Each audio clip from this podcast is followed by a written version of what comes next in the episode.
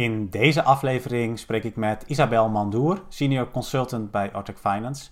En ook met Anna Wildeboer, ook consultant bij datzelfde Ortec Finance. Ze houden zich daar bezig onder andere met risicoanalyse en scenario's voor woningcorporaties. En ze schreven onlangs het artikel Wat als een worst case scenario opdoemt. En dat gaat over hoe je als corporatie profijt kunt hebben van het maken van scenario's, juist nu in deze tijden van coronacrisis.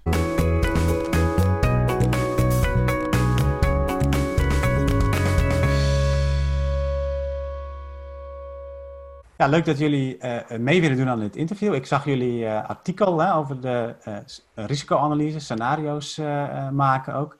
Um, en um, ik was meteen even benieuwd. Jullie noemen een aantal thema's. waarvan je zegt van ja, dat, zijn wel thema's die je in ieder geval, of, of, die je mee kunt nemen in het ontwikkelen van scenario's. Als je nu als corporatie, ook in het licht van coronacrisis, maar sowieso moet je dat natuurlijk doen uh, als je nu scenario's gaat maken voor wat gaat er in de komende periode uh, gebeuren. Um, ja, kunnen jullie eens wat, thema's noemen die jullie benoemd hebben, die, uh, waar je in ieder geval aan zou moeten denken als corporatie als je die scenario's gaat maken? Ja, zeker. Misschien is het wel goed om, om toch even te beginnen met te zeggen van dat het ook wel belangrijk is om um, bij die scenario's ook na te denken over welke horizon neem ik nou in beschouwing. Mm -hmm. kijk ook naar het CPB, die heeft bijvoorbeeld ook meerdere scenario's uh, uh, gemaakt met, een, met verschillende uh, tijdsperiodes van hoe lang die crisis zou, zou duren. Um, dus dat, dat geldt eigenlijk ook voor die thema's, dat het belangrijk is om daar dan over na te denken, omdat sommige thema's misschien op de korte termijn niet zo heel erg spannend zijn, terwijl misschien op de lange termijn wel wat meer zou kunnen betekenen. Ja. Um, nou ja, het zijn eigenlijk toch een beetje de, ja, de, de, de standaard onderwerpen voor een corporatie om over na te denken van wat gaat er met de huuropbrengst gebeuren. Dat is natuurlijk de belangrijke inkomende kaststroom. Ja. Um, daarnaast ook de verkoopopbrengsten. Um, dat is ook een hele belangrijke opbrengstbron voor woningcorporaties.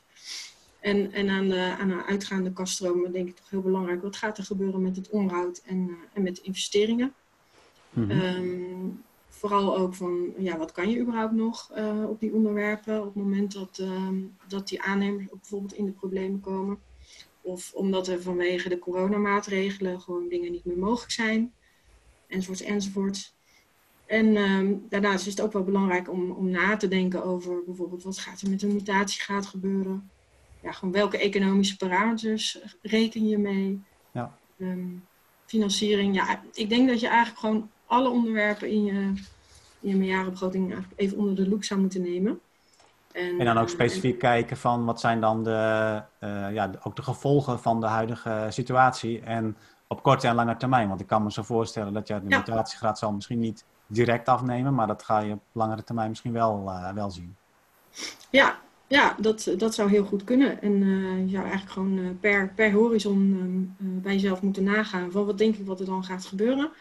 Je kunt natuurlijk ook allerlei bronnen raadplegen, want op dit moment kun je ja, de kranten en, en, de social media staan er vol van, van wat deskundigen allemaal denken. Mm -hmm. En uh, voor jezelf uh, uh, daar, daar uitgangspunten in kiezen. Ja. die kun je dan doorrekenen. En ja. met doorrekenen bedoel ik niet alleen financieel, maar ook uit, uitrekenen van wat gebeurt er dan met je maatschappelijke doelstellingen. in termen van bijvoorbeeld de ontwikkeling van je voorraad. Um, uh, het vrijkomend woningaanbod. Uh, ja, gewoon de doelstellingen die je hebt geformuleerd om, uh, om bijvoorbeeld het woningaanbod te vergroten. Of bepaalde ja. prijssegmenten te bevoren, voorrang te geven. Ja. Um, op die manier de impact te kunnen gaan doorgronden van, van deze crisis. Ja. ja. Anna, jullie gaven in het, in het artikel ook aan dat um, uh, er een belangrijk verschil is tussen uh, de macro-economische scenario's en de what-if scenario's. Um, en uh, dat eigenlijk op dit moment het heel belangrijk is om ook die what-if scenario's ook te gaan maken als corporatie. kun je daar iets meer over zeggen, over dat verschil en waarom die what-if scenario's op dit moment zo belangrijk zijn?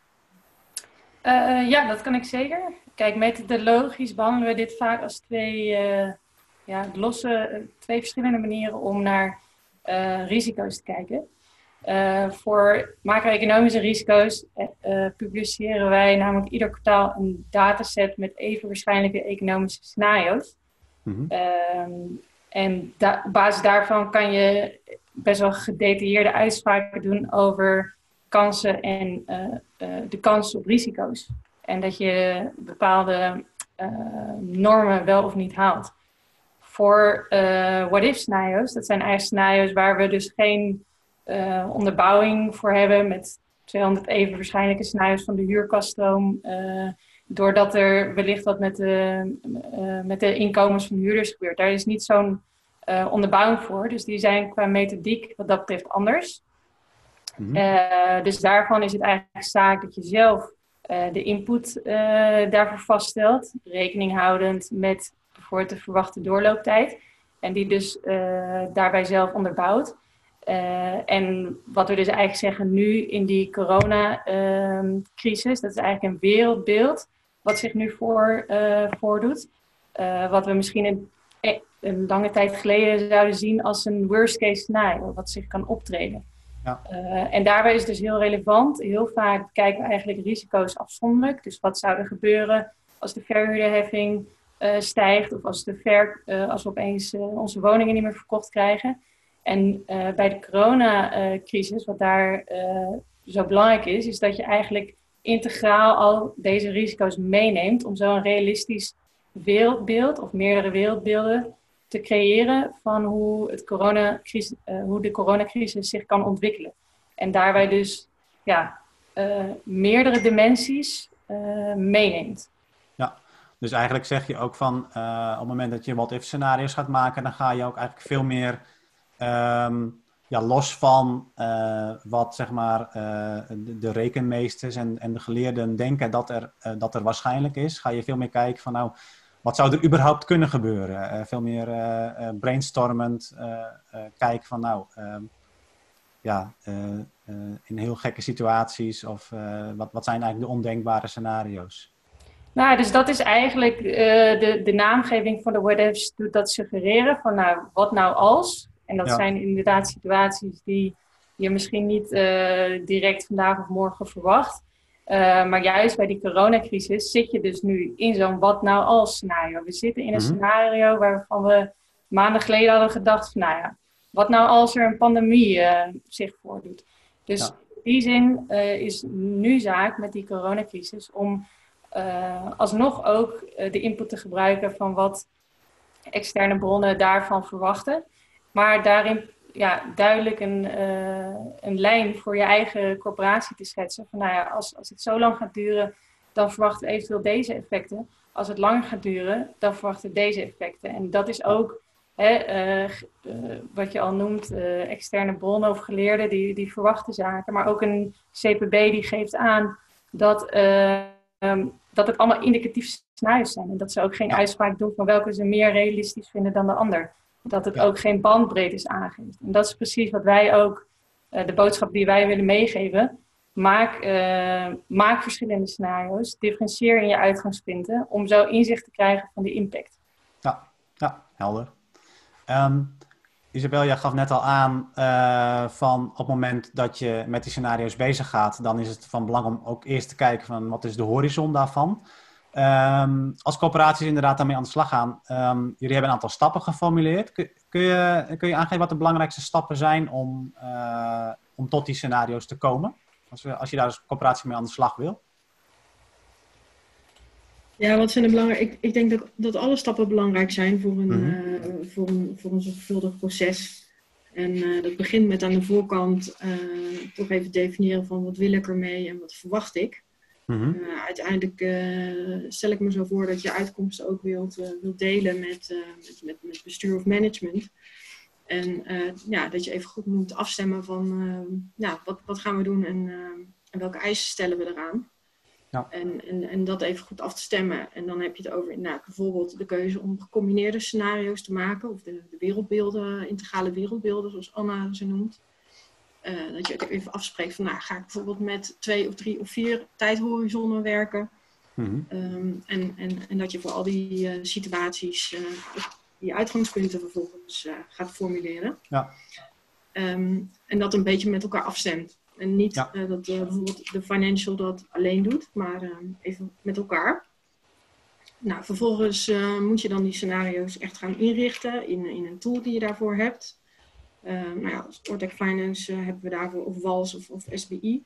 En dat vereist toch altijd dat je even goed over nadenkt van hoe richt ik dat nou in, zodat het scenario ook echt uitrekent wat ik graag wil dat het uitrekent. Ja. Dus ja, werk dat netjes uit. Doe dat eventueel even met z'n tweeën om te zorgen dat je geen vergissingjes maakt. Probeer ook een beetje na te denken over van wat verwacht ik wat eruit komt. Zodat je een kwaliteitstoetsing ook kunt doen op de uitkomsten. Nou, vervolgens ga je doorrekenen en, um, en um, um, ja, analyseren de uitkomsten. Presenteer de uitkomsten en ja, doe dat ook met elkaar. Hè? Neem echt even de tijd ervoor van wat gebeurt hier nou, hoe komt dit nou, kan ik dat verklaren? Um, en dan is de volgende stap uh, om natuurlijk goed na te denken over, um, oké, okay, en als dat gebeurt, wat dan? Wat gaan we dan doen? Wat zouden bijvoorbeeld bijstuurmaatregelen kunnen zijn? Um, en uh, uh, zijn daar ook bijstuurmaatregelen bij waar je nu al misschien voorbereidingen voor zou willen gaan treffen of niet? Mm-hmm. En, uh, en, vervolgens ook afspraken maken over het monitoren van ontwikkelingen. Want ik denk dat als je nu die scenario's gaat maken, dat je alle deskundigen, ook CPB'en, zeggen van ja, niemand weet eigenlijk nog wat er gaat gebeuren. Um, en op het moment dat we verder in de tijd komen, zal er hopelijk meer informatie komen, meer duidelijkheid over verwachtingen. Ja. Op het moment dat dat er is, doe het nog een keer. En kijk dan wat er, uh, wat er uitkomt. Ja. En um, ja, ik denk dat gewoon het, ja, het allerbelangrijkste ook is, um, als je kijkt naar voor deze crisis, um, lage corporaties ook best wel onder het vergrootglas van um, er is een betaalbaarheidsprobleem, er is een woningtekort, uh, er moet heel veel aan duurzaamheid worden gedaan. En dat komt natuurlijk allemaal nog extra onder druk te staan mm-hmm. uh, door die crisis. En de financiële ruimte was al beperkt. En inschattingen nu zijn van, nou ja, de financiële continuïteit niet direct onder druk staat, zegt bijvoorbeeld een EDES. Of, nou ja. Maar het bereiken van die maatschappelijke doelstellingen komt wel degelijk onder druk te staan. En dan is het wel belangrijk om, om te kijken van nou, wat gebeurt er dan in die uh, verschillende situaties. En wat gaan we dan doen? Wat kunnen ja. we er nog doen om in die nieuwe werkelijkheid het, het uh, maximale te bereiken op de, max, op de maatschappelijke doelstellingen? Ja, dus juist nu is het, is het nog belangrijker om uh, sowieso te kijken waar je dan je beperkte middelen aan uitgeeft. En, en ik hoor je ook exact. zeggen, ik hoor je ook zeggen van um, het is ook juist nu ook belangrijk dat je dat niet, um, uh, misschien nog wel meer dan anders, dat je dat niet alleen op de afdeling financiën die scenario's doorrekent en die risico's uh, in beeld brengt, maar dat je dat juist ook met elkaar doet, uh, zodat ook iedereen zijn inbreng in kan hebben en zodat iedereen doordrongen is van nou ja, wat er zou gebeuren in een bepaald scenario. Ja, en ook mee kan helpen nadenken over nou, wat kunnen we er eventueel aan doen om dit bij te sturen of welke, ja, ja. Uh, welke inspanningen kunnen we daarvoor plegen. Ja. Sommige dingen kun je niks aan doen, dat zul je mm-hmm. moeten accepteren. En sommige dingen ja, kun je wel doen. Ja. ja, want het voordeel is natuurlijk dat je dan als corporatie ook uh, eerder kunt beginnen met voorbereidingen als, je dat, als je daarvoor kiest. Um, al als er dingen zijn die je eigenlijk in alle scenario's zou moeten doen. Uh, dat je dan uh, daarmee in ieder geval aan de slag kunt. Ja, kijk, volgens mij is het hele scenario denk ik ook gebaseerd op het idee van uh, dat je niet overvallen wordt. Hè? En dat je dus op het moment dat een risico daadwerkelijk optreedt, um, ja, dat je bewust kunt handelen. En niet ja. op basis van, ja, ik noem het maar even oneerbiedig, paniekvoetbal. En dat je een bewuste keuze maakt. neem bijvoorbeeld de, de bouwprojecten. Die, die kunnen misschien terug gaan lopen, omdat er allerlei beperkingen zijn. Um, aan de andere kant zijn er misschien best dingen die je kan doen om dat toch nog uh, zoveel mogelijk te laten doorgaan. En ja. door je van bewust te worden en daar, daar ja, keuzes in te maken om er actief op in te zetten van wat kan nog wel. Uh, in plaats van een beetje de crisis uitzitten, zeg maar. Ja. ja. En, uh, Helder. Dat, ik, ja. ik denk dat het hele terechte oproep ook van jullie is om ook met wat die jullie ook in het artikel hebben gedaan aan de corporaties om hiermee aan de slag te gaan en om die scenario's ook in, in beeld te brengen. Um, ik wil jullie hartelijk bedanken uh, dat jullie ook uh, aan dit interview mee wilden doen. Um, Graag en, gedaan. Leuk dat je ons gevraagd hebt. Ja. Bedankt voor het luisteren naar deze podcast. Wil je nieuwe afleveringen ontvangen? Abonneer je dan op deze podcast. En kijk ook eens op onze website corporatiestratege.nl voor meer praktische tips en downloads die jouw werk als coöperatiestrateeg makkelijker maken?